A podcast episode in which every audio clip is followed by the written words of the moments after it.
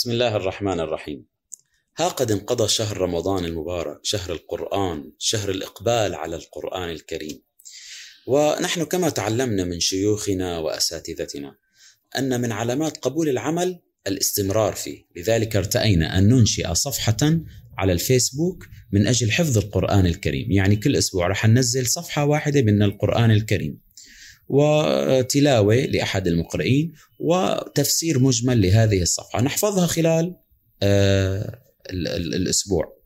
ثم بعد ذلك الواحد بيسمع هذه الصفحة لأحد يعني أقاربه أو أخوه أو أو صديقه أو إذا أحب بيسمعها لأحد المشرفين على هذا الموقع.